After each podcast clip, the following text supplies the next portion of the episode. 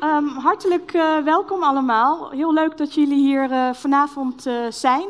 Ik ben Anouta de Groot, ik ben programmamaker bij Radboud Reflect. En we gaan het vanavond over videogames hebben. En mijn eerste vraag is een vraag aan jullie, want wie hier in het publiek is een vervent gamer? Ah, dat dacht ik stiekem al. Aha. Nou, kijk. Oké. Ehm, ik moet zeggen, mijn eerste ervaringen met videogames waren als klein kind nog met een Commodore 64, waarin cassettebandjes gingen. En toen net uh, in het voorbereidend gesprek met de sprekers van vanavond werd me ook verteld dat je in die tijd zelfs radio um, voorstellingen had, radioprogramma's, waarbij dan, zal ik maar zeggen, de code die op het cassettebandje uiteindelijk uh, kon komen te staan en die weer het spel op de Commodore kon aandrijven, gewoon live de eten in werden gestuurd. Een soort primitieve voorloper van het gamen via internet wat we nu hebben. Sindsdien zijn natuurlijk de videogames heel veel ontwikkeld, heel anders geworden. Ze zijn kwalitatief veel beter geworden, uh, zowel qua spel als qua beeld. Ze zijn veel wijder verbreid geworden, dus veel meer mensen spelen ze. Ze zijn niet meer alleen virtueel, maar ze hebben ook echt daadwerkelijk in het leven van alle dag een reële uh, rol gekregen. En er is natuurlijk mensen zijn heel erg anders gaan denken over videogames. En ik denk dat je wel kunt zeggen dat videogames tegenwoordig gewoon onderdeel zijn van de mainstream cultuur. En niet meer als een rariteit of een ding alleen voor nerds achter een computertje uh, worden uh, gezien. Um, we hebben vanavond politiek filosoof Stefan Schevelier. Ik zal even het programma ook laten zien. Um, hij uh, gaat een lezing geven over videogames en de filosofie of de fenomenologie van videogames. En wat is er nou eigenlijk zo bijzonder aan videogames? Hij gaat niet alleen daarover vertellen, maar hij gaat vooral ook veel fragmenten uit games laten zien. Ik neem aan dat jullie een heleboel daarvan uh, zullen herkennen, ooit zelf gespeeld zullen hebben, et cetera. En hij gaat natuurlijk ook gewoon uh, live stukken gamen, want we kunnen natuurlijk geen avond hebben over videogames waarop niet daadwerkelijk gegamed wordt. Um, dus ook dat allemaal vanavond. Um, Stefan uh, is politiek filosoof. Hij is verbonden aan de Radboud Universiteit hier uh, in Nijmegen. Hij is daar ook studievoorlichter. Hij geeft uh, colleges en hij is tevens hoofdprogrammeur talks of lezingen van Wetenschapsfilmfestival in Science. Um, naast Stefan hebben we nog een spreker met een iets korter verhaal, namelijk Frank ik wil Frank Schevelier zeggen, maar Frank van Kaspel. Ze zijn geen broers. Uh, Frank van Kaspel. Ik had op de website gezet dat Frank ook zelf een vervent gamer is. Dat moet ik terugnemen, want dat is hij niet. Maar wat hij wel is, is naast uh, filosoof en cognitiewetenschapper, hij is de organisator van de Dutch StarCraft League. Dus hij is heel veel met uh, games bezig, maar dan echt de e-sports. En dan niet als gamer zelf, maar als organisator van grote competities. Um, hij gaat iets vertellen over e-sports en hoe e-sports op dit moment uh, in Nederland een uh, plek hebben. Natuurlijk is er ook ruimte voor vragen van jullie. Dat is helemaal aan het eind uh, van het programma. Dus heb je opmerkingen of vragen, bewaar ze dan tot het eind van het programma. Ik wens jullie heel veel plezier en ik geef graag het woord aan Stefan.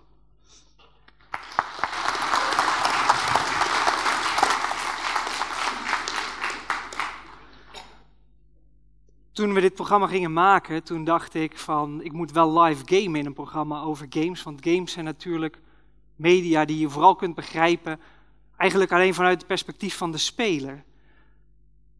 Om dan een hele uitzending te gaan, een hele lezing te gaan zitten gamen, dat werd wat te gortig. Maar ik wil wel beginnen met gamen. Daarvoor uh, hebben we allerlei technische hulpmiddelen ingevlogen. We beginnen met de game Bioshock.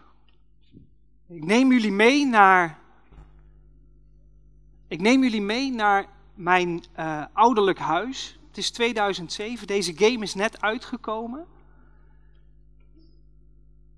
En ik heb de lichten gedimd, want dit is een beetje een horrorspel. Dit is een eng spel. Wat gebeurt er? Ik stap in een vliegtuig. Ik vlieg over de Atlantische Oceaan. En mijn vliegtuig crasht. Ik maak mijn weg, weg van, de, van de het gecrashte vliegtuig door het water naar een vuurtoren. En daar ga ik naar beneden met een soort onderzeeboot naar een stad op de bodem van de zee. Naar de stad Rapture. En Rapture is een stad die gemodelleerd is op de filosofie van Ayn Rand. Het is een kapitalistisch utopia waar je vriendschap kunt kopen, kinderen kunt kopen, waar je je genetische code kan herschrijven omdat de vrije markt heeft gezorgd dat de wetenschap zulke sprongen heeft gemaakt dat we nu onze handen kunnen manipuleren zodat er bliksem uitkomt. Ik loop door die wereld en ik kom erachter dat een bepaalde man, Andrew Ryan, mij probeert te vermoorden. Hij probeert dat eigenlijk al vanaf het begin dat ik in Rapture ben. Mag de, mogen de lichten nog wat gedimder? Kom ik even bij jullie zitten. En dan ga ik kijken of ik mijn weg kan vinden door de wereld van Rapture. Ik heb gevochten met de burgers van deze stad. Dat heb ik gedaan door bliksem op ze te schieten en door ze door mijn huid te injecteren met genetisch materiaal. Ik loop vast, want het is te donker om de weg te vinden. In het begin moest ik een beetje wennen aan de controles. Dan kon ik nog niet heel veel vijanden verslaan. Maar langzamerhand kon ik mijn weg steeds beter vinden. En nu maak ik mijn weg, zoek ik mijn weg naar het hoofdkantoor van Andrew Ryan, de man die me al vanaf het begin probeert te vermoorden. En waar ik steeds meer over te weten ben gekomen. Zoals bijvoorbeeld dat hij mijn vader is. Hij heeft mij gecreëerd. Ik ben een soort wapen. Maar dat wapen heeft zich tegen hem gekeerd en nu sta ik voor zijn kantoor. Ik kijk naar deze muur en ik zie daarop staan de woorden Would you kindly? En die woorden die komen me vagelijk bekend voor. Die heb ik al veel vaker gehoord namelijk. En nu is het tijd om Andrew Ryan te confronteren. Oké, ik loop dat kantoor binnen en daar kom ik erachter dat Andrew Ryan mij gecreëerd heeft en in mijn genetische code een zinnetje heeft geplaatst wat zegt, would you kindly? En als, het, als het woord, de woorden would you kindly worden gezegd, dan moet ik de bevelen opgeven die iemand anders mij, uh, de verzoeken opvolgen die iemand anders mij influistert. Dus als iemand mij vraagt, would you kindly kill Andrew Ryan? Dan moet ik, dan voel ik mij gedwongen dat te doen. Andrew Ryan weet dan dat zijn uur al geslagen heeft en kiest ervoor om via mij zelfmoord te plegen. Hij zegt, would you kindly kill? En op dat moment sla ik mijn, mijn vader, mijn, degene die mij gemaakt heeft, sla ik dood. Wat gebeurt er dan? Als ik dat doe, reageert mijn controller niet. De link tussen mij als speler en de personage wat ik speel, Jack, zoals hij heet, maar naam die je eigenlijk nooit hoort, die wordt verbroken. Nou opeens besef ik me, hé, hey, ik zit weer thuis op de bank te spelen en daar op het scherm gebeurt iets. En waar voorheen een soort directe link bestond tussen mijn ervaring en de ervaring van het hoofdpersonage. De lijn daartussen werd eigenlijk vervaagd. En dat verraadt iets over onze ervaring, onze dagelijkse ervaring. Die is namelijk altijd mijn ervaring. En die, die kwaliteit van de ervaring, die eigenheid, die mijnheid van de ervaring, die is interessant om te onderzoeken. En die games zijn interessant, games in het algemeen zijn interessant, omdat ze dus in staat zijn dat soort ervaringen naar voren te brengen. En daar zal ik de rest van deze lezing verder op ingaan.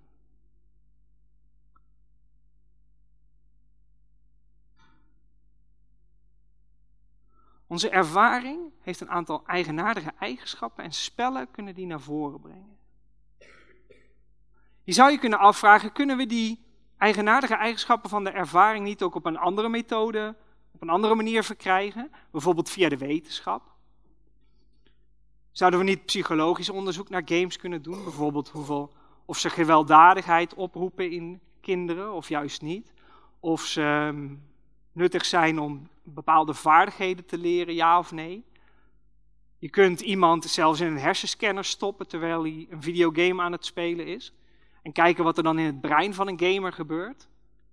Uh, wat deze vent aan het doen is, weet ik eigenlijk niet. Hij staat met een Xbox zijn eigen brein te besturen of zo. Het is een beetje onduidelijk. Um, maar het plaatje geeft wel een beetje aan wat voor categorie van onderzoek ik het over heb. Maar dat soort onderzoek ben ik niet in geïnteresseerd. Ik ben geïnteresseerd in ander soortig onderzoek. En de Amerikaanse filosoof Thomas Nagel, die helpt ons begrijpen wat voor, eigenlijk wat voor soortig onderzoek ik in geïnteresseerd ben. Hij heeft het volgende gedachte-experiment. Stel, jij bent een bioloog en jij weet alles van vleermuizen af. Je weet alles van de echolocatie die vleermuizen gebruiken, namelijk dat ze via geluidsgolven hun omgevingen in kaart brengen en zo ook door de ruimte kunnen navigeren. Thomas Nagel vraagt je dan, stel dat je dat allemaal weet over vleermuizen, weet je dan ook wat het is om een vleermuis te zijn? Ken je de ervaring die een vleermuis heeft terwijl hij met echolocatie door een ruimte beweegt? En Thomas Nagel zegt nee. Je kent die ervaring dan niet. Je kunt alles weten over echolocatie, maar die ervaring van hoe het is om een vleermuis te zijn, die mis je.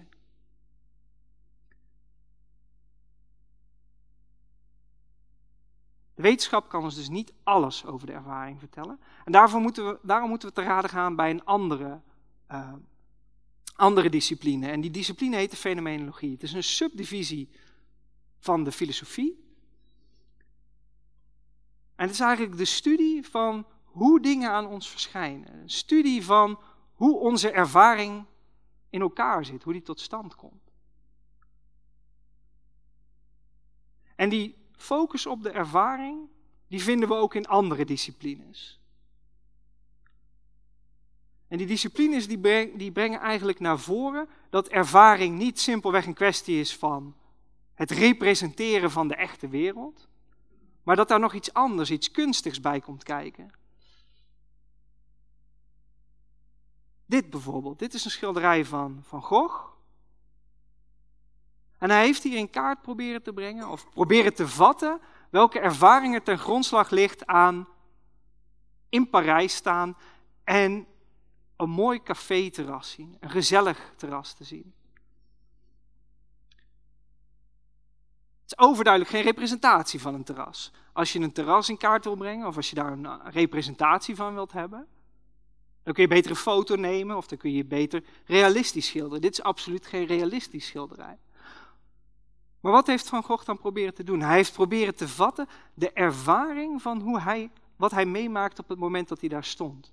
En hij schrijft dan ook in een brief.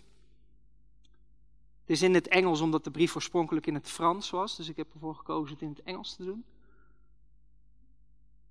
Hij beschrijft eigenlijk in een brief hoe hij het mooi vindt om, als hij daar aan het schilderen is in Parijs, dat op de plek zelf te doen. In de nacht, en dan op de koop toe te nemen dat hij bijvoorbeeld vergissingen maakt. Dat hij groene verf pakt doordat het zo donker is in plaats van blauwe verf. Of andersom. Dat neemt hij op de koop toe omdat hij precies, wanneer hij daar staat, wil vatten welke emoties er welke gevoelens er in omgaan. Hij wil de ervaring vatten. En daarom kiest hij voor rijker geel of rijker oranje in plaats van zijn uh, tijdgenoten die eerst s'nachts een beetje de lijnen schetsen, dan naar huis gaan en het dan met fletse kleuren inschilderen. Maar een schilderij is natuurlijk maar één vlak. Is nog maar een simpele kunstvorm, zeker als we het vergelijken met de games waar we straks naar gaan kijken.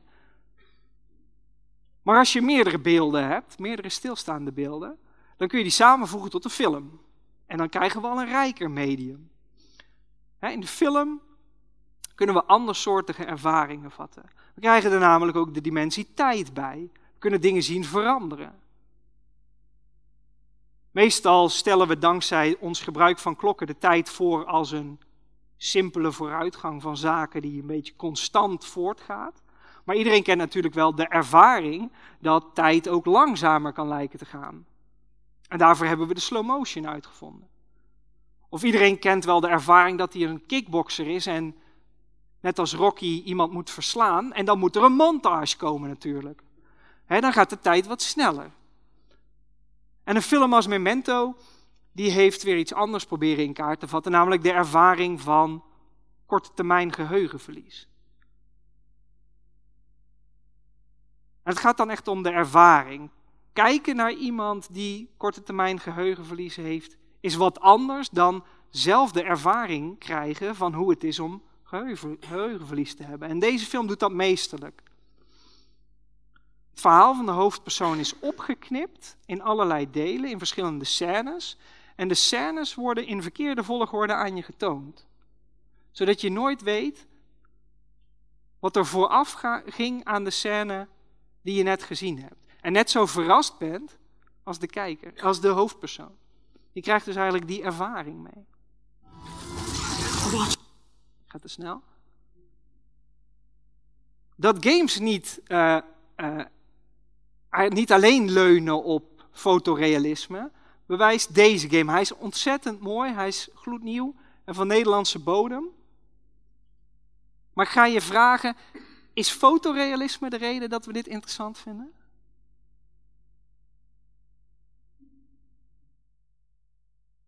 Oké. Okay. Ja. Watcher. Better sight. Go, go.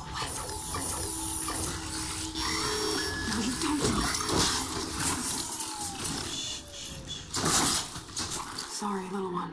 I couldn't let you call for help. Perfect day for a hunt.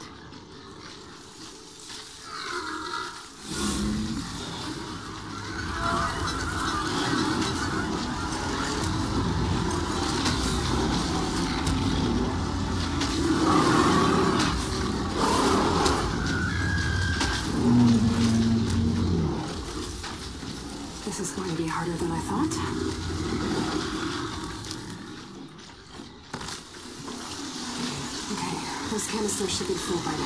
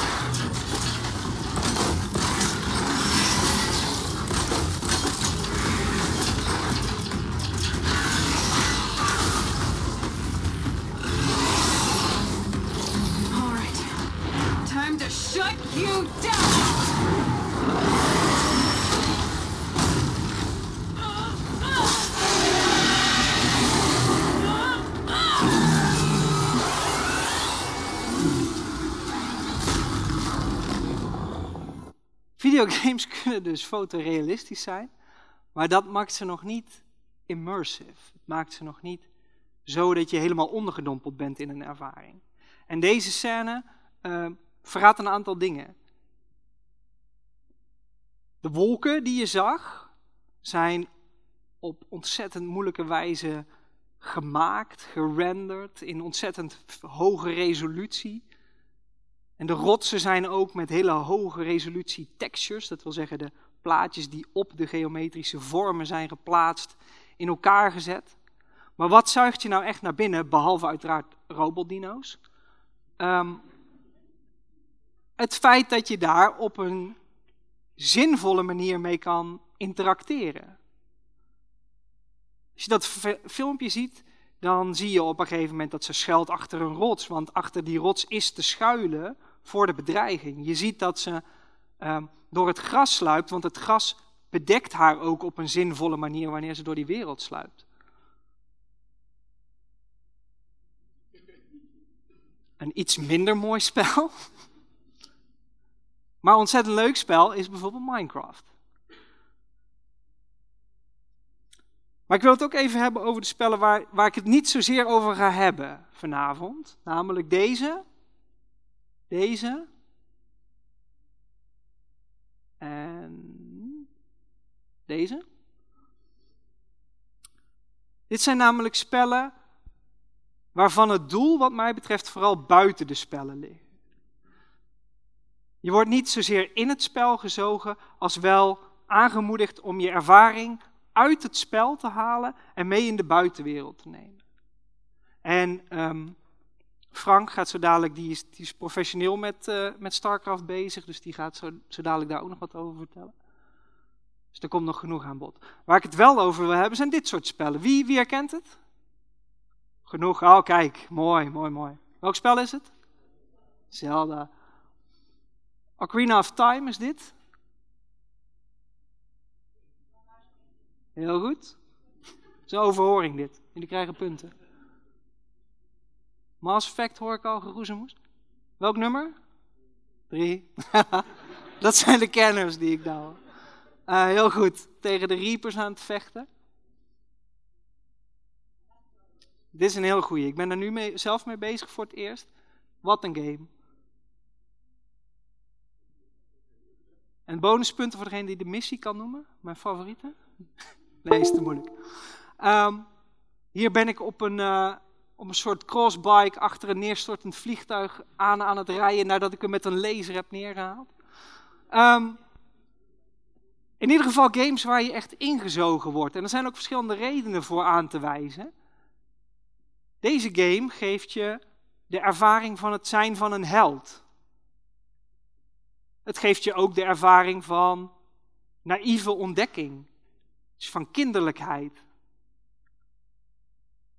Deze game geeft je de ervaring van het zijn van Boeker de Wit, een detective die als voorstel krijgt om, uh, ik zal het in het Engels zeggen, uh, find the girl, wipe away the debt. Hij moet een een meisje vinden in de stad Columbia. Deze Bioshock speelt zich af hoog in de wolken in plaats van de bodem van de zee. En deze game is heel goed. Deze vertelt ook iets over de ervaring van wat het mogelijk maakt om transdimensionaal te reizen, zoals het in het spel heet. Tussen al die werelden te hoppen. En ook wat het voor ons als speler betekent om tussen verschillende spelwerelden te kunnen switchen. Mass Effect gaat heel ver in het brengen van een ervaring, het jouw eigen maken van een ervaring. Eh, we zien hier Commander Shepard in gevecht met een Reaper, een, uh, een intergalactische uh, robot die tot doel heeft al het intelligent leven in de melkweg uit te roeien. Om maar eens even een, een pitch voor een game te geven. En wij zijn Commander Shepard en we mogen zelf kiezen welk geslacht Commander Shepard heeft. Hoe die eruit ziet. Um, we mogen zelf bepalen wat hij zegt, hij of zij zegt.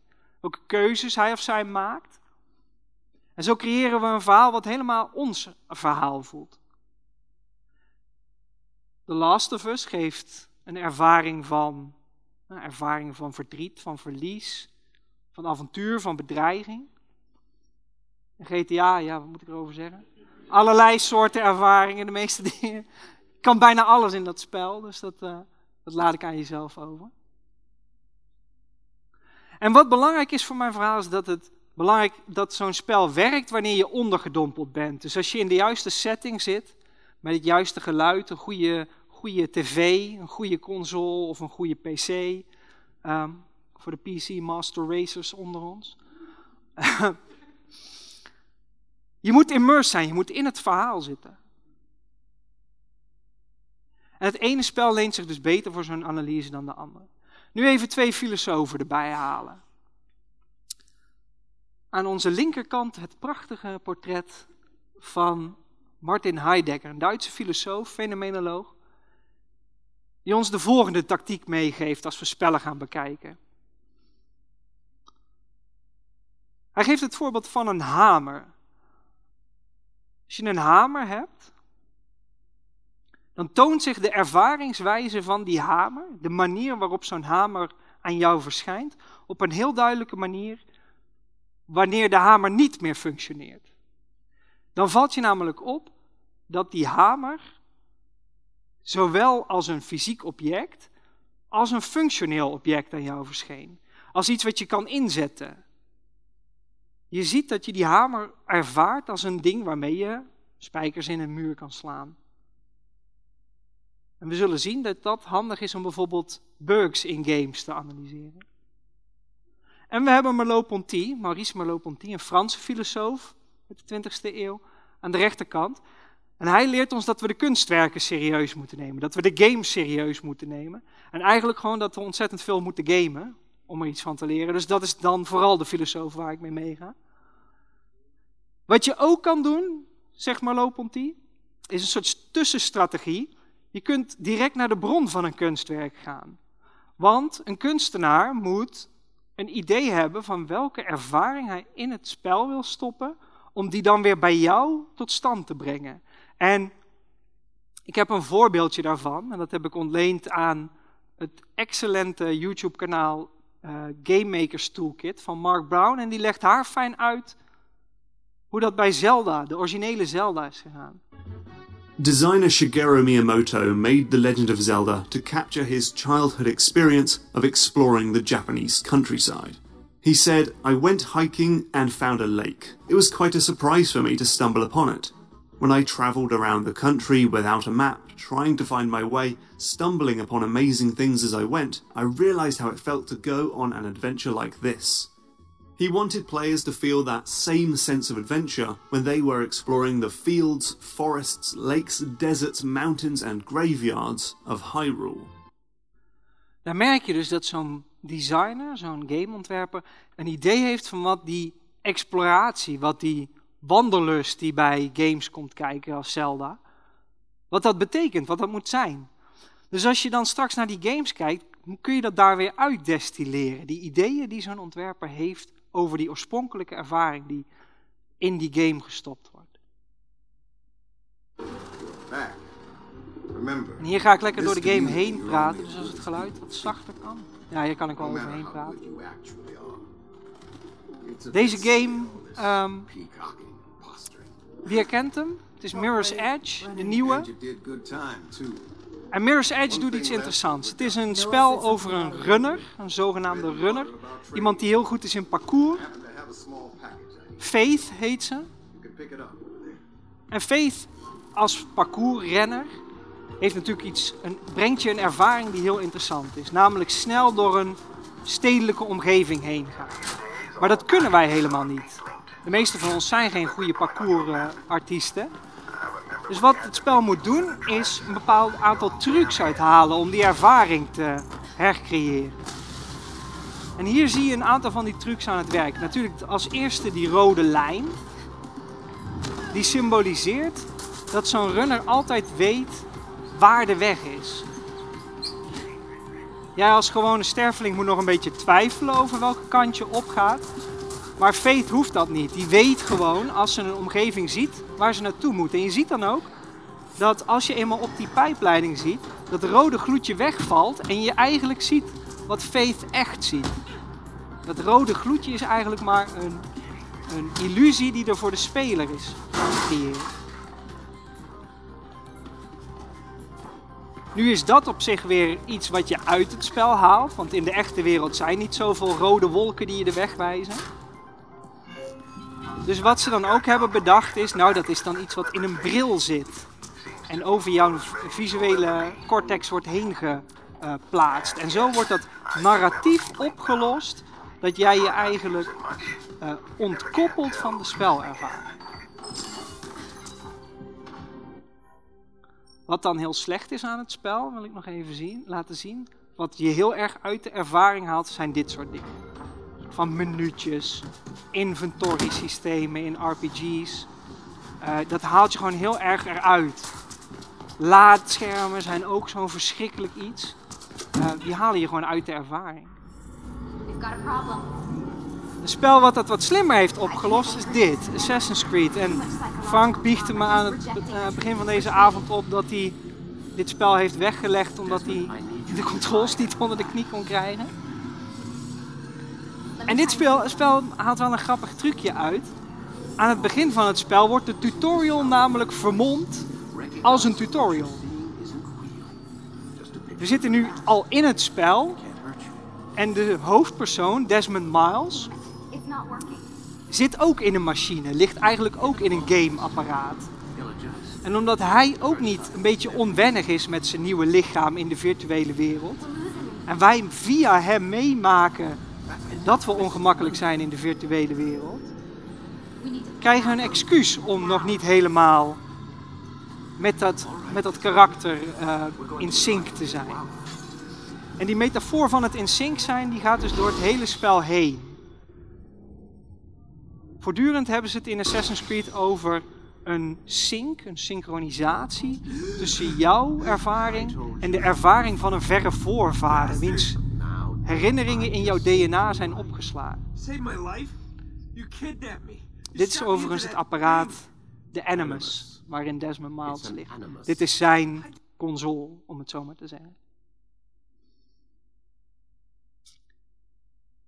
Oké, wat hebben we van deze spellen dan geleerd tot nu toe? We hebben gezien dat er een betekenisvolle wereld moet zijn om aan ons te verschijnen. Er zijn trucs die je kan inzetten om de ervaring geloofwaardiger te maken, zoals bijvoorbeeld dat Animus verhaal, of het trucje wat in uh, Mirror's Edge net voorbij kwam van een, uh, een, een, truc om jou een soort uh, vaardigheid te simuleren. Maar er zijn ook nog andere dingen. Er zijn natuurlijk in de eerste plaats graphics.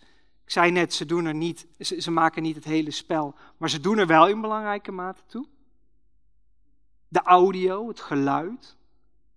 De rumble, hè, de, de feedback die je via je controller krijgt. Of via je race-stuurtje als je een race-spel speelt. We hebben natuurlijk, nu staan we aan de ja, eigenlijk aan het voorportaal van VR. En dat wordt natuurlijk nog immersiver. Als dat een woord is. Bij deze. Andere trucjes die we in Bioshock voorbij zagen komen. Je, belichaam, je, lichaam, je ervaring is altijd een belichaamde ervaring. Je voelt altijd nou, bepaalde aspecten van je lichaam. Nu, omdat ik het zeg, voel je misschien duidelijker dat je teen tegen je schoen aandrukt. Of dat je jasje of je trui om je lichaam zit. Maar je ziet ook vaak je handen in beeld. Ook als ik aan het spreken ben, zie ik die. En Bioshock doet ook dat soort, haalt dat soort trucjes uit om je in de ervaring te krijgen. Een andere truc die wordt uitgehaald, een andere techniek moet ik eigenlijk eerbiediger zeggen, is het feit dat veel videogame karakters geen stem hebben. Want iedere keer dat een personage iets zegt, is voor jou een reden om te denken: hé, hey, dat is niet wat ik zou zeggen. Of zo klinkt mijn stem helemaal niet. Of waarom zeg je überhaupt iets? Houd alsjeblieft je mond. Een coherente wereld, dat is ook belangrijk. En dat zagen we al bij uh, Horizon Zero Dawn. Maar dat zien we in deze spellen ook. De dingen die je tegenkomt in de wereld moeten een logische plek hebben. Bijvoorbeeld, wat je ook vaak ziet, zijn invisible walls. Die kennen we allemaal wel als we een videogame hebben gespeeld. Plekken in de spelwereld die afgebakend worden. En waar je niet in mag. En zodra je als speler tegen zo'n onzichtbare muur aanloopt, dan breekt de illusie van een wereld die onafhankelijk van jou bestaat. En dat verraadt dat dat precies is wat onze ervaring in de echte wereld typeert. De ervaring dat buiten dit gebouw nog van alles aan de gang is, dat die deur erg, echt ergens naartoe leidt. Um, stoelen die bedoeld zijn om op te zitten, dat we die als zodanig ervaren. En als we die techniek van ehm, Martin Heidegger nog eens toepassen, dan zien we ook dat games dingen verraden over onze ervaring wanneer ze niet werken, zoals bijvoorbeeld uh, in het recente spel Mass Effect Andromeda heel erg bleek door de ontiegelijke bugs die daarin zaten. En die eigenlijk iets verraden over de, nou eigenlijk de mate waarin onze dagelijkse werkelijkheid klopt.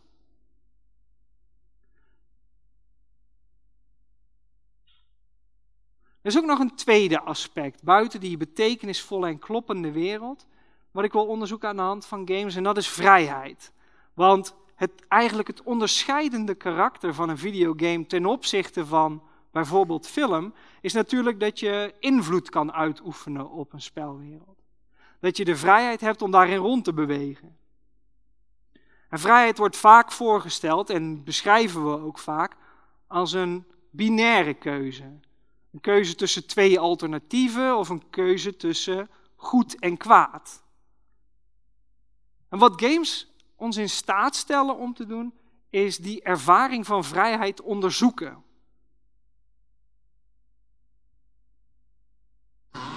Have you no heart?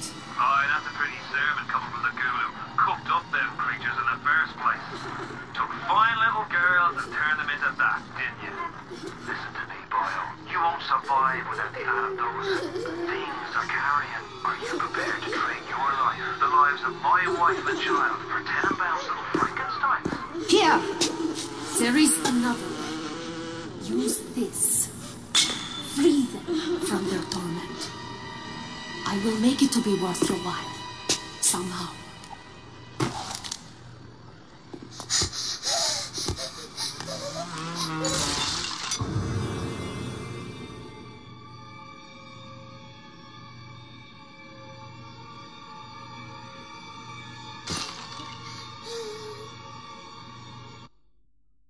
Maar wat we hier zagen was, ook weer een stukje uit Bioshock, nogal een lugubere scène waarin we erachter komen dat uh, kleine meisjes, zogenaamde Little Sisters, die rondlopen door uh, de stad Rapture, dat die een bepaalde genetische essentie bevatten. Een bepaald goedje wat we uit die wezentjes kunnen halen en die kunnen gebruiken om ons eigen DNA te manipuleren.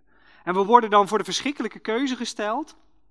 Ik zou zeggen makkelijke keuze. Redden we die kinderen? Of harvesten we ze, zoals het spel het noemt? Oogsten we ze voor meer gewin. Het is een soort simpele weergave, een simpele binaire weergave tussen de goede keuze en de slechte keuze. En het spel adverteerde dan ook echt met um, het moraalsysteem wat in het spel zit. Speel je het spel op een goede manier of op een slechte manier? Maar precies omdat dat systeem helemaal niet aanvoelt als een realistisch systeem, werkt dat moraalsysteem in dat spel niet zo heel erg goed. Mensen gingen gewoon uit, uitrekenen wat levert maar aan het einde van de dag het meeste in-game spullen op.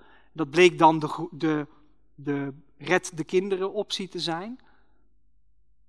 Dat leverde in de lange termijn meer, uh, meer in-game goederen op. Maar in essentie is die ervaring van gewoon een binaire tegenstelling tussen een goede en een slechte optie helemaal niet wat ons gevoel van vrijheid typeert. Ons gevoel van vrijheid heeft namelijk een heel ander karakter. Maar dat die, ja, eigenlijk die wanvoorstelling van vrijheid heel, uh, ja, heel veel terugkomt, blijkt ook uit een andere scène. Een scène uit het al verschenen Mass Effect. Will you release us? Are we to fade away once more? There are acid tanks rigged up on that thing. Set them off. Millions of my ancestors died to put these things down. Don't let them come back. We'd be making a whole race extinct. I don't want that on my conscience when I go to the final judgment. Your companions hear the truth.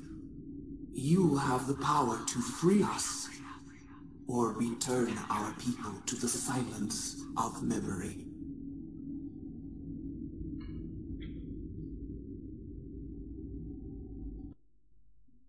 Hier wordt ons gevraagd om even tussen de bedrijven door te bepalen of we op galactische schaal genocide gaan plegen.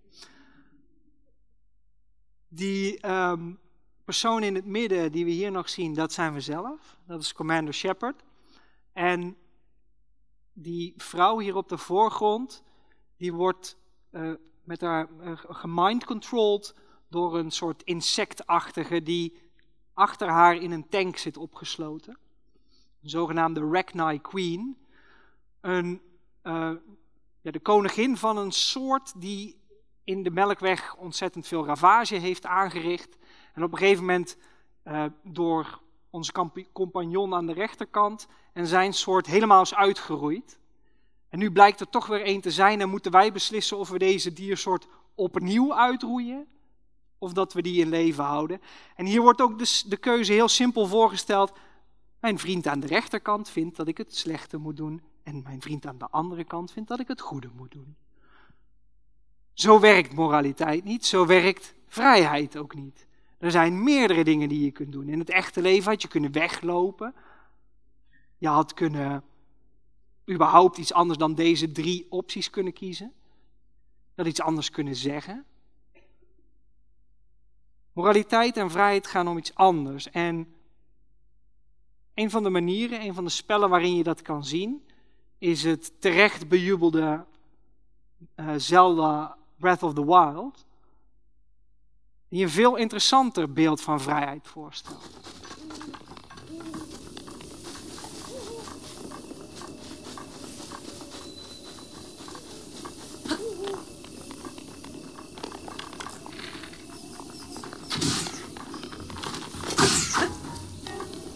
Deze wereld is totaal open. De speler had nu kunnen besluiten weg te gaan. Is in niks verplicht om hier deze keyswing op te pakken, whatever it may be. Kan om dit kasteel in te gaan besluiten deze route te bewandelen. Of daar naar buiten te gaan en de muur op te klimmen.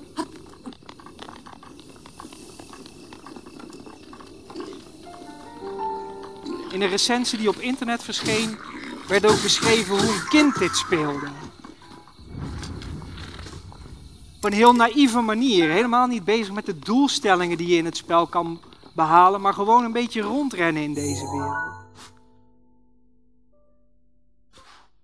De wereld die biedt heel veel opties om er zinvol mee om te gaan, maar is daar helemaal niet sturend. Er zijn geen beslissingen die je moet nemen. Je kunt bijvoorbeeld een pot ompakken en die gewoon weggooien terwijl je eigenlijk naar dit ding aan het rennen bent. Maar die wereld biedt ook wel meer substantiële ervaringen, zoals bijvoorbeeld de, de beloning van een hardcontainer.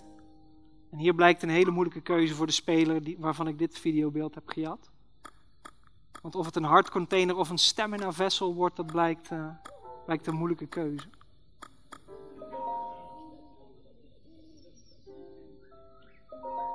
Maar dit geeft veel meer een ervaring van, ja, de ervaring van wanderlust.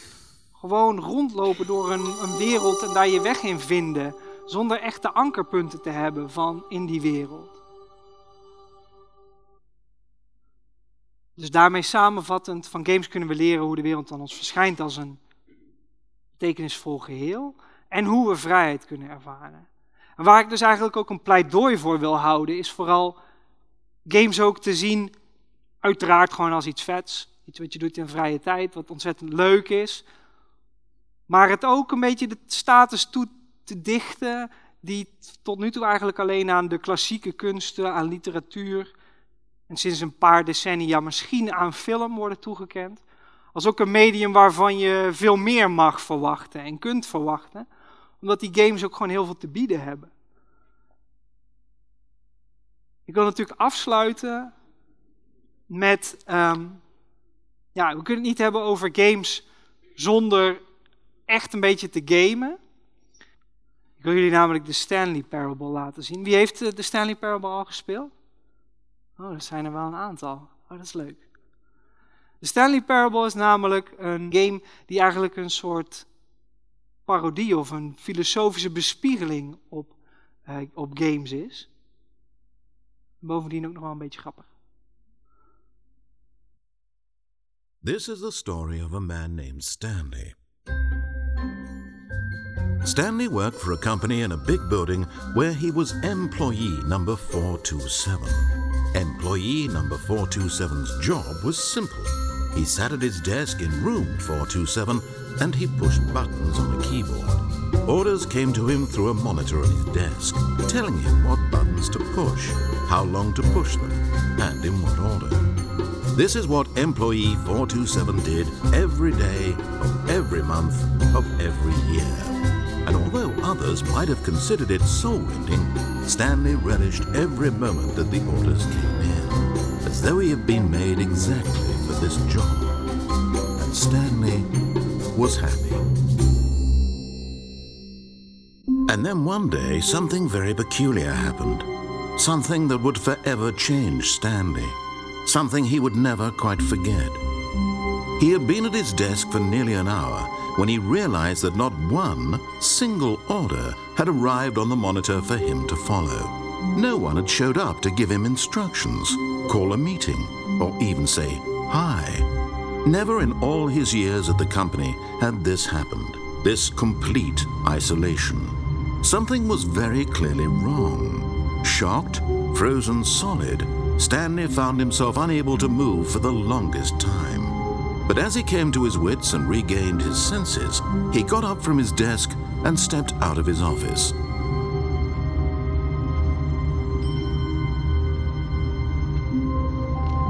Spannend, we zijn los.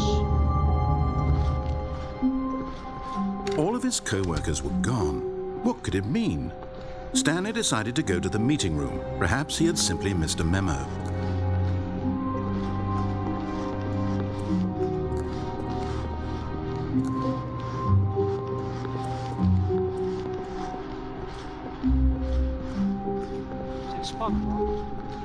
When Stanley came to a set of two open doors, he entered the door on his left.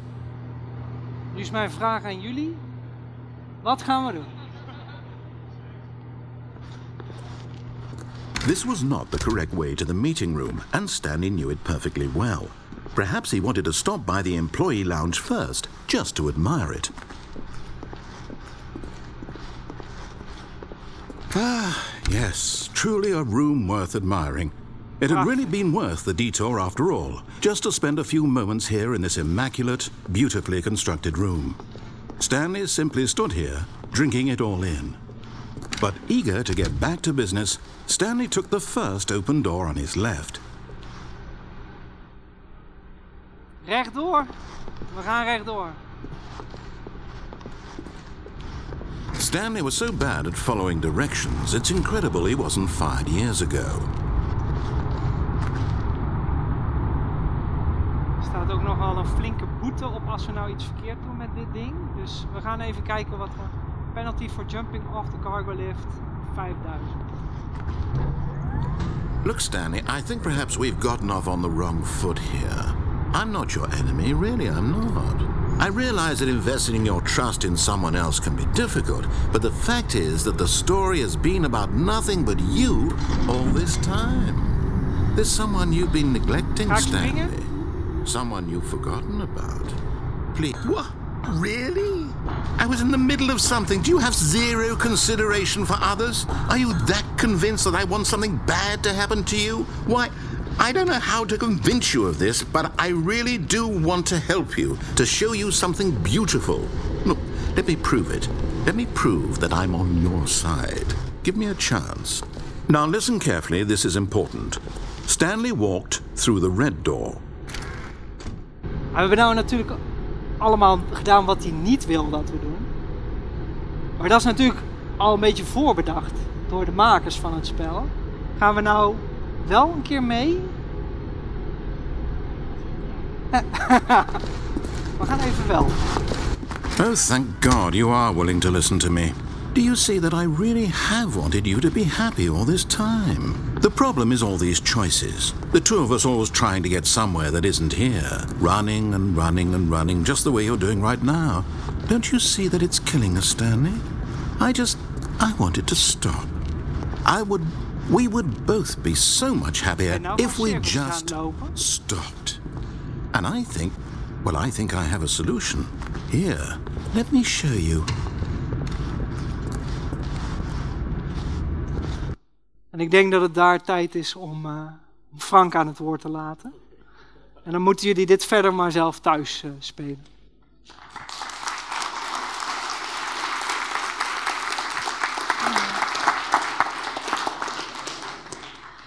Um, Stefan, uh, dankjewel. Ik, uh, ik ga hem zeker uh, thuis verder spelen en eens kijken met verschillende keuzes waar we allemaal terecht gaan komen. Um, we hebben nu geluisterd naar een verhaal van Stefan waarbij het vooral heel erg ging om het helemaal opgaan in die virtuele werkelijkheid van zo'n spel.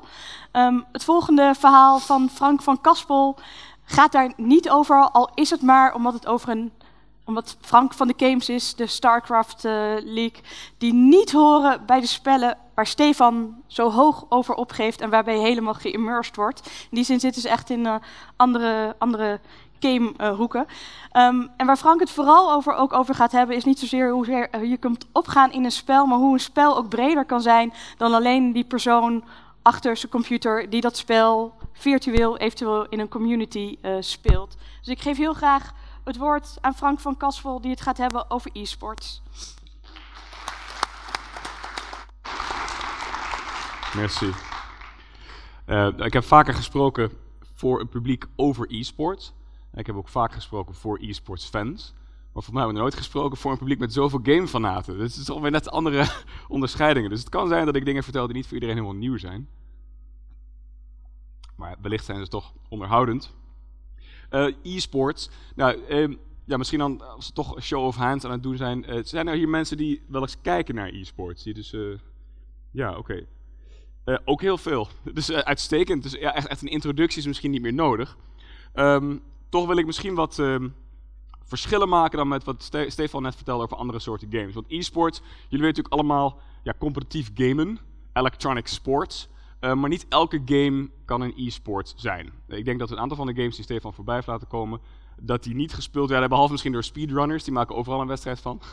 Uh, maar echt in een, met een competitieve scene, met prijzenpotten en dergelijke. Dan heb je het over, dit zijn dan de grote titels. Uh, er zijn er waarschijnlijk meer die ik nu vergeet te noemen, Rocket League en zo, dat soort dingen. Maar ja, je ziet een scala aan, aan dingen, Hearthstone staat er ook niet bij.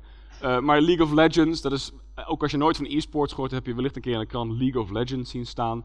Uh, dat is toch denk ik wel de game die binnen Nederland de grootste uh, publieke getrokken heeft. Counter-Strike, de, ja, de welbekende shooter. StarCraft, weer een heel ander soort spel. een real-time strategy game. en FIFA is natuurlijk iets wat heel erg op sport lijkt. En binnen de e-sports ook een beetje een soort klasse apart lijkt. Andere soort clubs zijn daarmee bezig, zoals voetbalclubs. Uh, maar dus je ziet, binnen e-sport zijn heel, groot, uh, zijn heel grote verschillen tussen soorten games die e-sport kunnen zijn. Maar ze hebben allemaal gemeen dat er dus competitie is tussen mensen. Dus de immersion komt niet zozeer van de game zelf, als wel van het competitie-element, dat je tegen iemand anders speelt. De beste games, wat mij betreft, zijn ook games waar je niet zozeer met de game speelt, maar tegen, of niet tegen de game, maar tegen je tegenstander. Dat je gewoon metagame krijgt. Uh, en, heel belangrijk aspect, is dat bij e-sports de beste speler moet winnen. Dus het is geen gokspel of zo. Het moet echt zijn dat als jij de beste bent, dan win je en dan is het ook verdiend. Uh, dus er zijn bijvoorbeeld bedrijven zoals Blizzard die, die huiverig waren in ieder geval. Recent heb ik eindelijk financiële support gekregen. Maar huiverig waren om in e-sports in Nederland te investeren. Omdat Nederland zulke strenge wetgeving tegen online gokken heeft. En ze waren bang dat ze daarmee te maken zouden krijgen. Maar natuurlijk, is onzin. Iedereen weet die e-sports heeft niks met gokken te maken. Behalve als je Hearthstone speelt. Uh, dit is. Uh, Kijk, en als je hier dan ook wint, dan heb je ook dit soort rauwe emotie. Uh, dit is een van mijn favoriete foto's, mijn eerste uh, Dutch StarCraft League. Dit is Harstum, uh, een jonge Nederlandse gast, die hier dus wint. En ja, zo'n emotie heb je niet als je de juiste dobbelsteen gooit. Dit is echt, hij, hij verdient het hier om Red te, te, verslaan, zeg maar. Dus dat is e-sport. ja, en waar komt het vandaan? Jullie weten het allemaal waarschijnlijk ook. E-sports in de huidige vorm is opgekomen toen mensen begonnen met kijken naar e-sports. Dus toen werd het echt een, ook een toeschouwersport. Twitch is 2011 alweer dat het tevoorschijn kwam uit toen Justin TV. Uh, dus sinds 2011 zijn er echt platformen die zich specifiek richten op het livestreamen van e-sports. En heel belangrijk is dat dus niet alleen maar um, uh, broadcast instituties of tv-kanalen zeg maar, content konden maken, maar iedereen opeens die thuis aan het gamen was, kon op Twitch streamen. Als je op een gegeven moment de juiste upload had van je internet service provider. dan kon jij dus een content creator worden. En daar zagen we een enorme opkomst van en daar kwam ook een heleboel publiek mee kijken. Op dit moment streamen er ongeveer 2 miljoen mensen op Twitch. Zijn er ongeveer per maand. Ehm, en eh, ik heb even gegoogeld.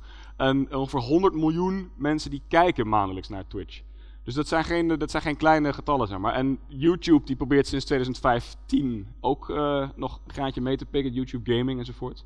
Maar ze lijken een beetje de boot gemist te hebben, want ze hebben geen Twitch-chat. En dat is toch wel echt een, een belangrijk element van e-sports geworden onderhand, volgens mij. Uh, nou, ik zal zelf heel veel kort mijn achtergrond. Ik ben dus in Nijmegen begonnen met e-sports. Dus op de universiteit toen ik student was, heb ik de Nijmegen Student StarCraft League georganiseerd. En het was ongeveer een zaal als dit waar we de finale hadden. Dat was hartstikke leuk. En het jaar daarna wilde ik de Netherlands Student StarCraft League doen. Maar toen was ik een elitarist en hoezo mochten niet-studenten niet meedoen. Dus toen hebben we daar de Dutch StarCraft League van gemaakt. Uh, en prompt daarna zat ik bij de Wereld Door om over StarCraft te vertellen. Dus het is sindsdien een hele wild ride geweest. Uh, maar allemaal is het nog steeds vrij kleinschalig. Dus ik heb nu de Stichting e-sports Nederland om de Dutch StarCraft League, maar ook andere initiatieven te ondersteunen. En het is allemaal nog op best kleine schaal en dat is ook wel tekenend voor wat er in Nederland gaande is. Er zijn wel marketingmensen die nu al heel veel geld willen verdienen aan e-sport. Maar in Nederland is er nog niet echt een soort heel groot publiek. Er zijn wat uitzonderingen. Daar komen we zo meteen nog op terug. Um, wie zijn die toeschouwers? Uh, of waar zitten ze? Nou, ik zei net al, op, online zijn er dus heel veel mensen. 100 miljoen per maand op Twitch. Uh, hier in de zaal zitten er ook redelijk wat, zeg maar. Maar wat ook wat nieuw is, en wat voor mij het leukste is eigenlijk, zijn dat er ook dus offline heel veel mensen kijken. En dat er dus allerlei evenementen zijn offline, zoals dit is dus dat in die collegezaal waar ik het over had. In 2011 zitten mensen met nachos en bier naar de eerste StarCraft finale te kijken. Dit was een jaar later in het World Forum, of 2013 was dit trouwens. Uh, in de Melkweg, 2015. We zaten in Alphen aan de Rijn afgelopen jaar. Je ziet het, het, is, het wordt steeds groter en het is ook meteen al vanaf het begin internationaal. Dus het, is me ook niet gelukt, of sterker nog, we hebben er uh, voor gekozen expliciet om het niet een Nederlands feestje te laten zijn. Dus de Dutch StarCraft League is ook uh, een open toernooi. Alle mensen uit het buitenland mogen ook meedoen. Want als het alleen voor Nederlanders gedaan zou hebben, zouden misschien de beste drie Nederlanders niet eens meegedaan hebben. Die denken, ja, ik heb niks te winnen. Ik, ik ben verwacht dat ik win als ik ga. Dus ja, wat, wat, ga ik er eigenlijk doen? En verder zijn er alleen maar mensen waarvan ik weet dat ik kan winnen. Dus we hebben het open gemaakt. Dat was heel leuk. We hebben ook een deelnemersveld dat voor meer dan de helft uit het buitenland overgevlogen is dan voor de finale, zeg maar. Um, en in het buitenland zelf is het natuurlijk al veel groter. Dus zodra je e-sport gaat doen. Uh, dit, deze foto heb ik zelf gemaakt in China in januari. Dus ik ging daarheen om een e-sports toernooi uh, te. Ik was daar wedstrijdcommissaris, zeg maar. Opeens ben je daar. Ik ben ook al, uh, niet op eigen kosten gelukkig, naar Dubai gevlogen, naar Toronto en weet ik, naar California geweest. Allemaal voor e-sport. Dus het is heel erg internationaal. dit heb ik nog nooit gedaan. maar dit is dan League of Legends finale in Las Vegas. Dus je ziet de live publieken worden ook echt steeds groter. In Nederland hebben we ook al een keer een voetbalstadion gevuld. Dat was ook voor League of Legends. Ahoy Rotterdam was dat.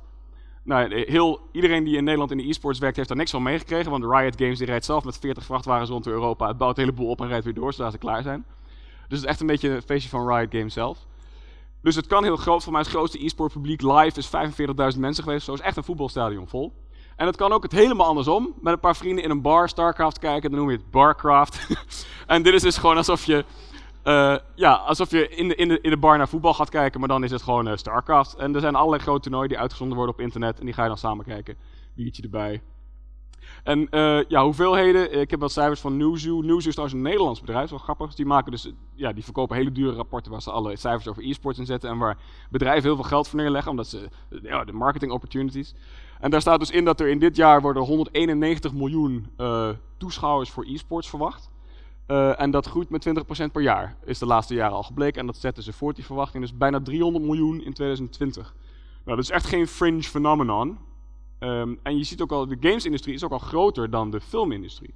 Dus er gaat gewoon heel veel geld in rond. Het is ook niet gek dat er veel mensen mee interacteren. En ja, dus die opkomst van e-sport als kijkersport heeft het ook natuurlijk super interessant gemaakt voor, commercieel, uh, voor commerciële doeleinden. Dus dan, dan komt er ook geld binnen. Uh, in Nederland is nog niet zozeer. ik ben de grootste financierder van de stichting, maar, uh, of de Open Universiteit eigenlijk, maar goed.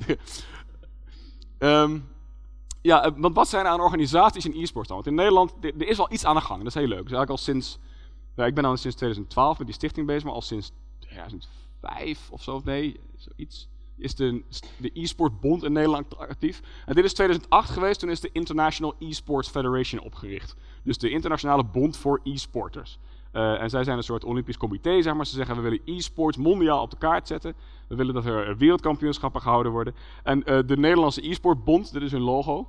Um, die zijn founding partner geweest. Dus een van de negen landen die gezegd hebben, nou we gaan samen een internationale bond oprichten. Zuid-Korea was natuurlijk ook, een van die founding partners. Uh, maar dit soort partijen zijn dus al best wel een tijd actief. Ze worden ook al gevonden door Den Haag. Zeg maar als Den Haag iets wil, of de politiek iets wil weten over e-sports, dan bellen ze vaak naar Jasper van de e-sportbond. Uh, dus die partijen zijn er wel, maar er komt nog niet heel veel van de grond. In termen van concrete ondersteuning van e-sports initiatieven of concrete evenementen.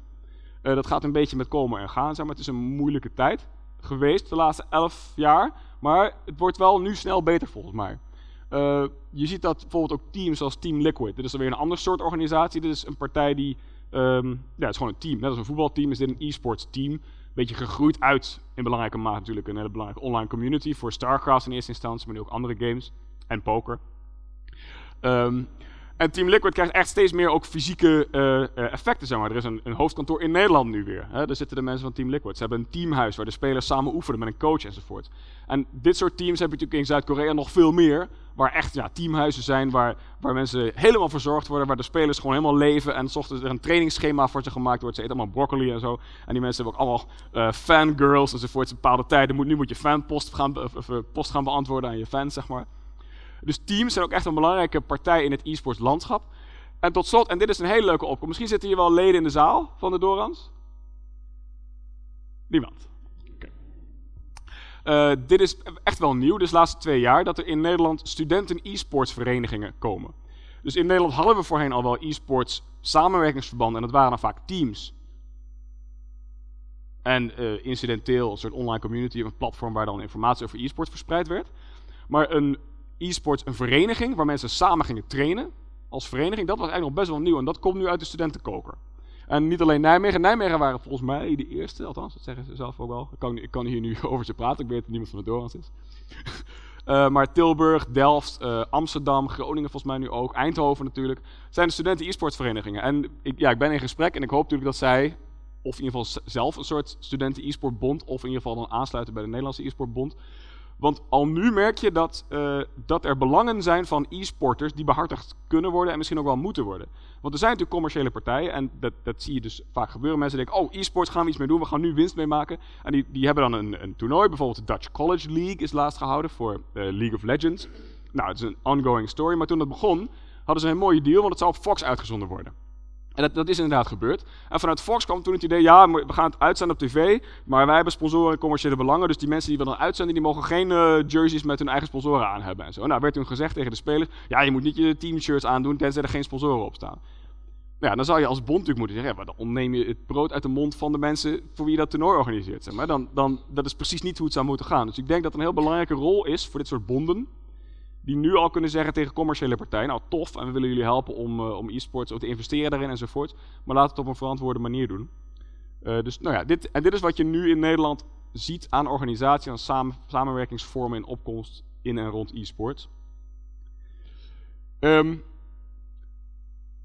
er is ook academische interesse. Dat vind ik zelf ook heel leuk. Dus bij al mijn activiteiten heb ik steeds ook iemand vanuit de academie gehad die iets vertelde over gaming gerelateerd onderzoek. En dan heb ik het niet over het serious gaming of zo. Of althans, hè, we hebben het net bij het voorgesprek over gehad. Van saaie gamified onderwijs of zo. Uh, dit is Adam Lobel, die is vorig jaar hier gepromoveerd aan de Radboud Universiteit. Die heeft onderzoek gedaan bijvoorbeeld naar hoe... Um, zijn hypothese was dat als je beter was in, het, uh, in StarCraft spelen... Wat ik toevallig een leuke game vind...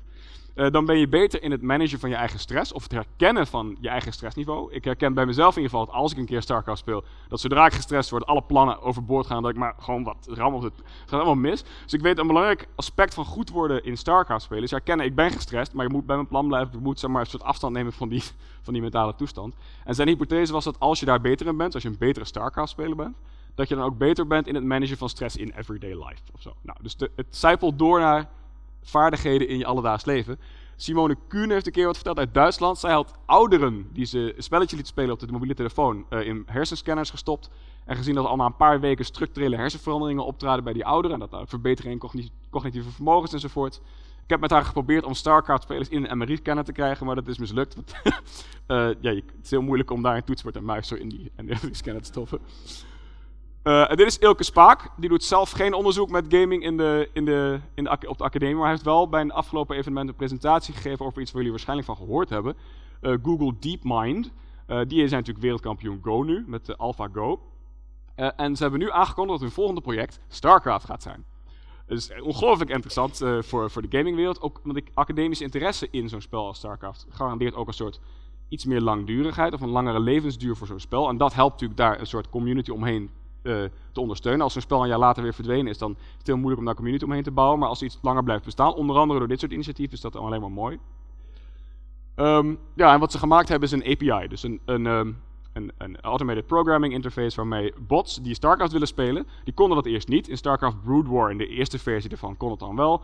Maar in, in deze versie was daar eigenlijk geen methode voor. Want ja, je wil ook cheating voorkomen. Dus je moet eigenlijk voorkomen dat niemand geautomatiseerd dat spel kan gaan spelen.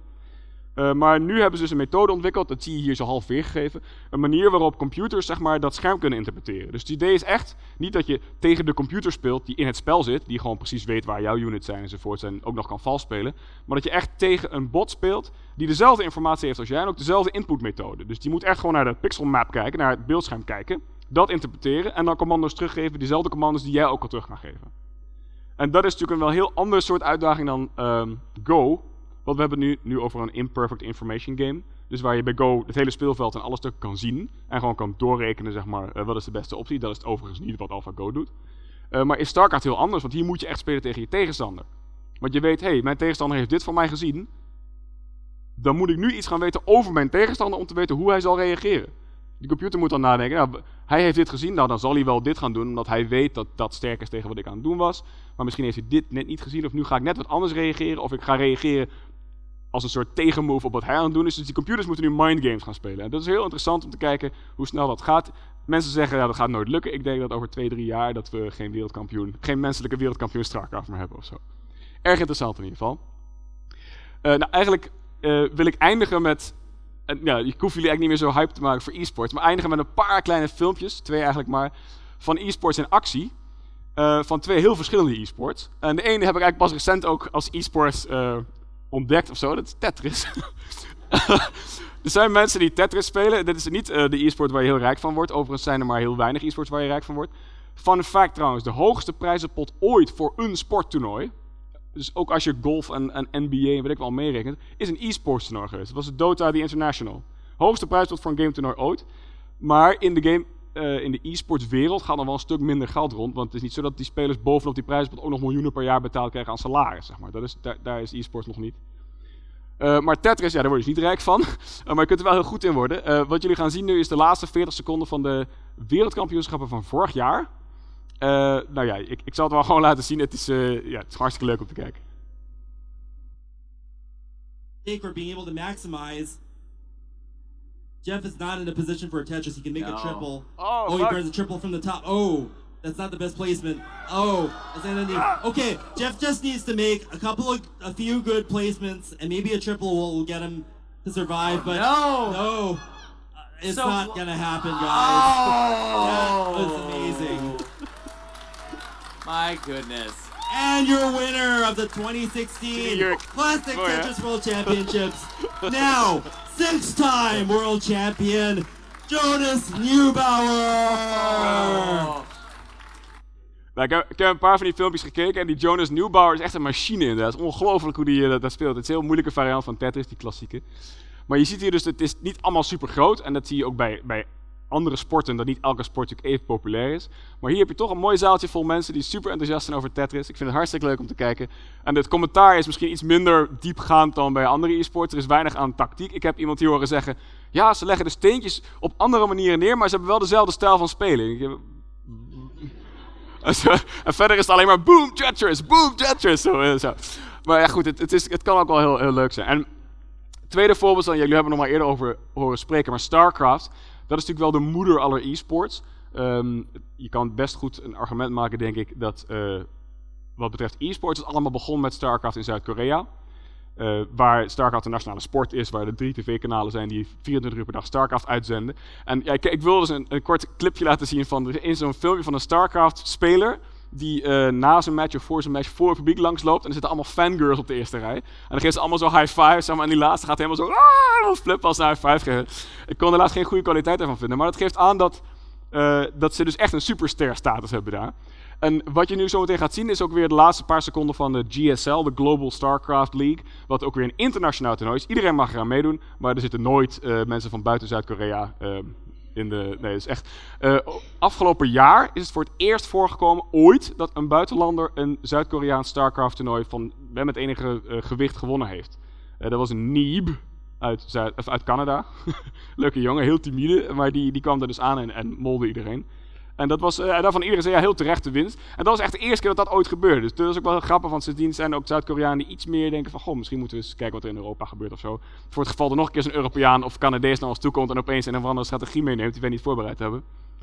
Eh, StarCraft begint met wat je ziet en de laatste beelden. Het is misschien niet heel representatief voor wanneer je een StarCraft-wedstrijd zou kijken, want er wordt iets meer geschreeuwd dan normaal in een StarCraft-wedstrijd. Eh, en wat je hoort is het Engelstalig commentaar van Tasteless en Artosis, twee Amerikanen die precies voor de Tastosis, precies de casting Archon, die zijn voor dit doeleinde verhuisd naar Zuid-Korea om commentaar te geven in het Engels over Zuid-Koreaanse toernooien. Uh, maar het is, voor de Zuid-Koreanen is het een beetje een soort bijzaak van, ja, wat zij hebben daar hun StarCraft dingen. Het is leuk dat die buitenlanders meekijken. Het is heel fijn voor ons dat ze dus Tasteless en Artosis ervoor betalen. Uh, maar wat je ook op de achtergrond hoort zometeen is een enorme zaal vol schreeuwende mensen. Dat zijn allemaal Koreanen. En je hoort ook het Koreaanse commentaar een beetje op de achtergrond. En dat is vooral de show. En Tasteless en Artosis zitten dan meestal op een bureautje aan de zijkant zo en dan tegen de Engelsen te praten, zeg maar. Uh, je ziet op een gegeven moment ook de, speler, de hoofden van de spelers zelf in beeld. En uh, dat is een mooi beeld. Kijk, ik, zal, ik sluit het filmpje gewoon aan, dan uh, krijg je het wel mee. Dit is nog in de tijd dat Archon toilets een ding waren, voor de mensen die StarCraft spelen. Archon toilet off, that's huge. Yes, it is. It, I mean, an effective Archon toilet is game ending. Great. I mean, he has. Does he have enough Archons to actually do that? You have to deal so much damage with Archons. That, I mean, the VCs have so much health. And he's just pushing, man. He's like, all right, let's do it. Oh my god. And we're pushing it beyond. Oh my god! Oh my god! But no Archons. Where's his Archons? He needs to get some in there. He cut down the Archons before it was uh, time. And the Void Rays come out. And Archon goes in. Another Archon goes in. Get in there. Oh my god, what are we seeing?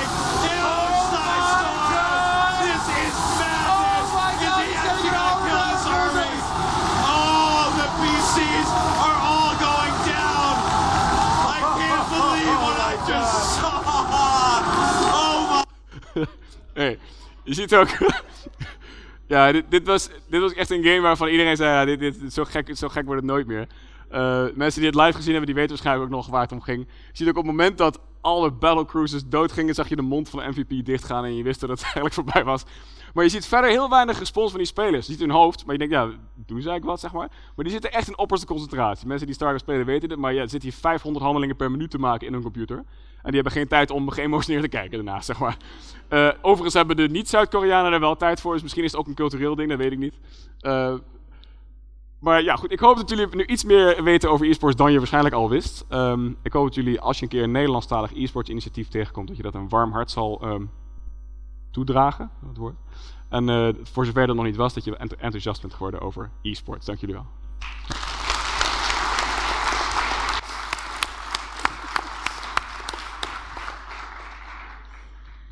Dankjewel uh, Frank. Stefan, als jij er ook ja. bij wil komen. En uh, Frank, als je wilt blijven staan. Um, we hebben nog een klein kwartiertje, een lange tien minuten. Um, waarbij ik eigenlijk gelijk vragen van jullie graag wil horen en naar de zaal wil gaan. Dus ik weet niet, zijn er mensen die prangende vragen hebben, die opmerkingen willen maken? Um, naar aanleiding van de lezing van Stefan, waar vrijheid en ik zie je daar achterin. Je moet, als je heel veel wil wachten, uh, er komt een microfoon naar je toe, want dan kan iedereen goed uh, je vragen horen. De jongen met het uh, zwarte shirt. Ja, doet dit? Ja, dankjewel. Um, dat is voor meneer Schevelier. Ja. um, over die beleving, verschilt dat nog per genre? Want ik, ik ken bijvoorbeeld... Um, ik heb wel eens dat SimCity gespeeld. Dat doet me vrij weinig. Maar ik heb ook wel, ik heb ook wel eens met vrienden Outlast gespeeld. En ja, daar zit je toch wat anders. Uh, Welke was de laatste die je zei? Outlast. Oké, okay, ja, ja. Ja, en uh, daar heb ik toch wel... En nou, natuurlijk, ik ben best wel iemand die bang is voor horror. Maar, dus, ja, ja. zit daar verschil in, in uh, qua genre? Ja, er zit zeker verschil in.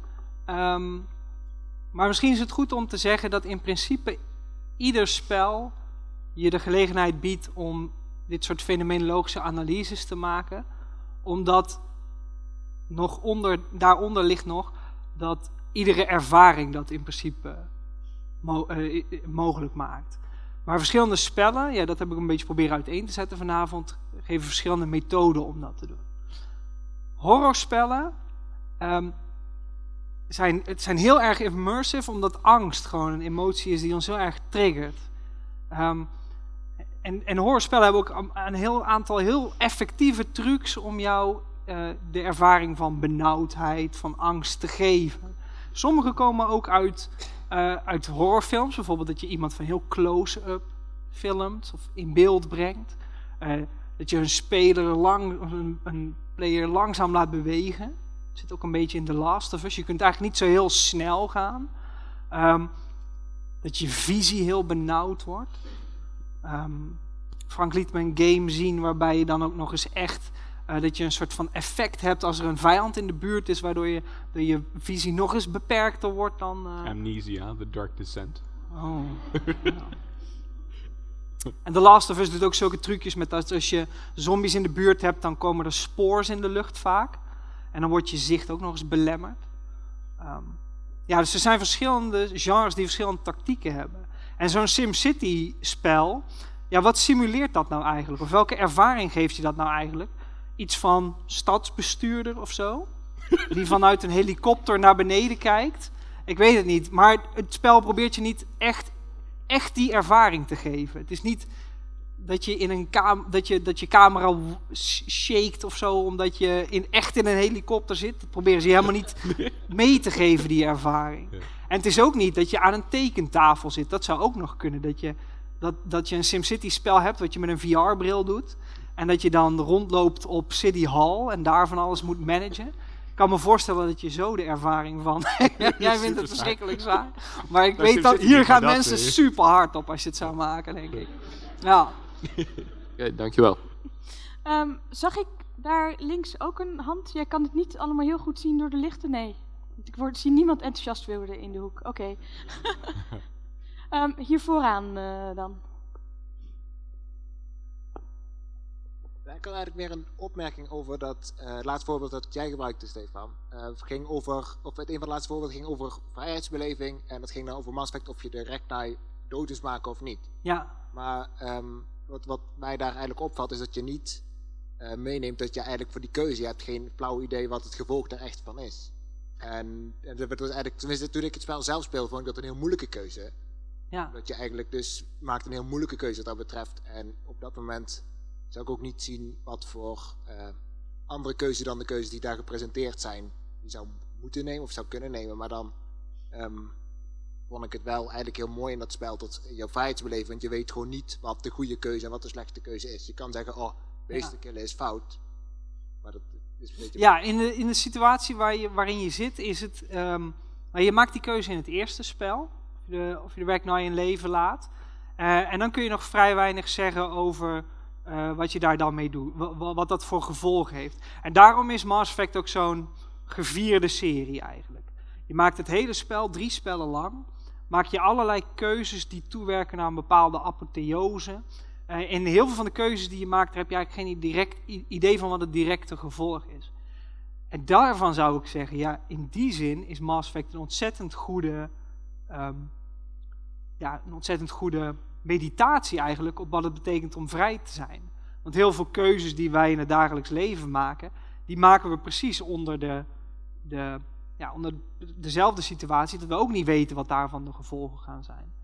Maar ik vind in het geval van, ik vind de Ragnar vind ik ook niet zo'n heel interessante verhaallijn in de, de Mass Effect serie. Eh, en dat ligt er vooral aan dat het effect van je keuze niet zo heel erg groot is.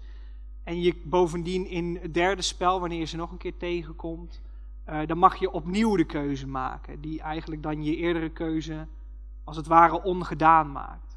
Dus dat is jammer aan de, de Ragnar verhaallijn. Ik zag daar iemand. Nee, niet meer. Ehm, dan eh, gaan we gewoon het rijtje af, inderdaad. Ja, ik, ik dacht nog eh, over eh, die kwestie van welke keuzes je kan maken, dat het wel heel binair eh, eh, is op dit moment nog. Ja. Denkt u dat er dan eigenlijk ook een manier is waarop dat complexer kan zijn op een manier die dan niet zo kunstmatig lijkt. Want ik, ik denk dan bijvoorbeeld bij Skyrim dat je dan per ongeluk iemand vermoord hebt waardoor een questline niet meer werkt of, of dat soort dingen. Dat, eh, dat is gebeuren.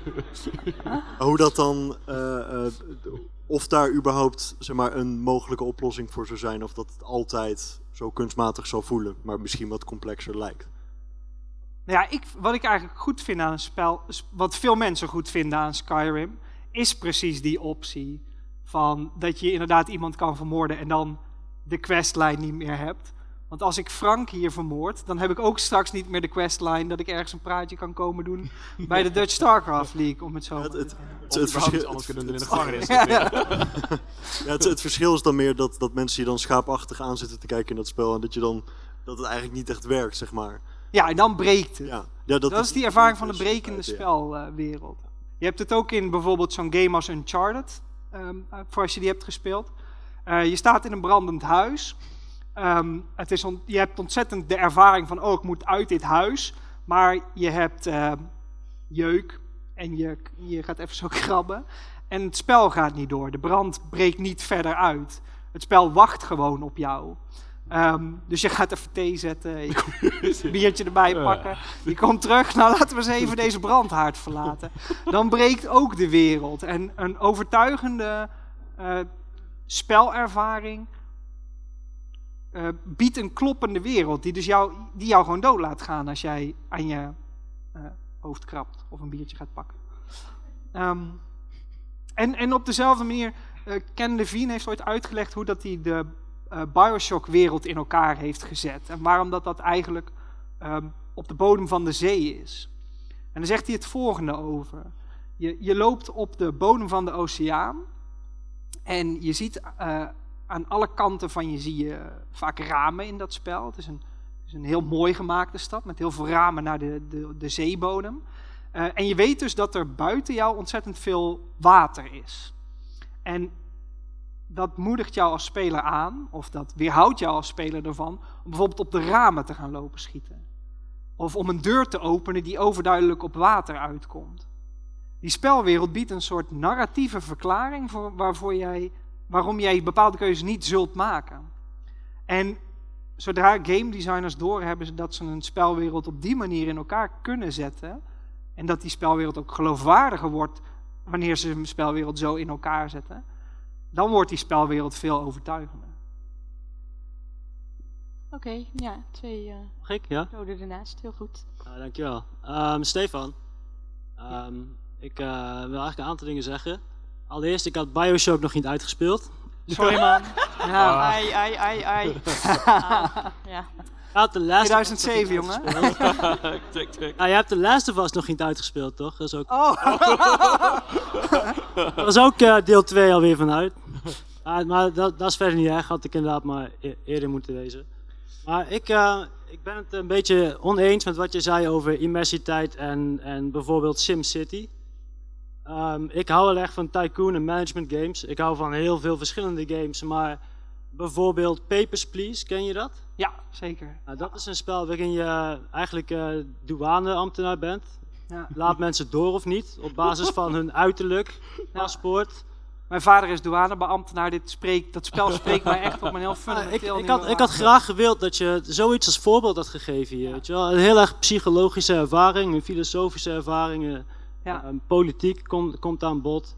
Ja. En, en je zei er net wat over ehm, ja, immersiteit, dat zeg maar, jij altijd een, een lichaam hebt en, en zo beweegt. Maar bijvoorbeeld bij Papers, Please is dat niet zo. Je kijkt alleen naar papier.